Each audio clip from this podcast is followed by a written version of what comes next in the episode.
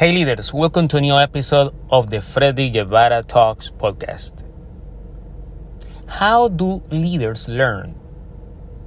That's a that's a good question because we as leaders we have to learn every day. Leadership is a lifelong learning process. But how leaders learn effectively? And I will invite you to apply in your life a simple model, the ACT model, ACT ACT model.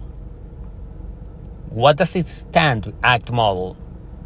Number one, A of ACT stand by apply.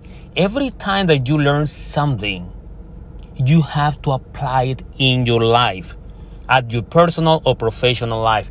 You have to apply everything new information or knowledge you learn because that's the way a leader improve his her own life. Apply. Don't stick, don't hide that new knowledge. You have to apply to see the results. Number two, C. C means change. When a leader learns a new information or a new knowledge, and you see something that that new can replace something old you used to know, but doesn't serve you anymore, doesn't give you the results you want, you have to change. A leader has to change whatever doesn't serve in his her life. That's how you learn and T for transfer. Even when you as a leader, you're learning new things, but you know that that new information, that new knowledge will help you others to grow and develop, you have to transfer that knowledge to others.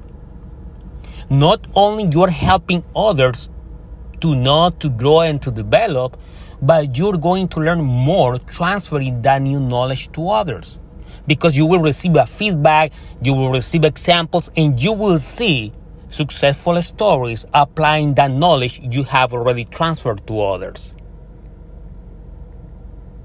So, if you are a leader, start implementing this model because this model will help you learn more, apply more, enrich your life, and what is more important, developing others. Remember, when a leader develops himself or herself, gains influence.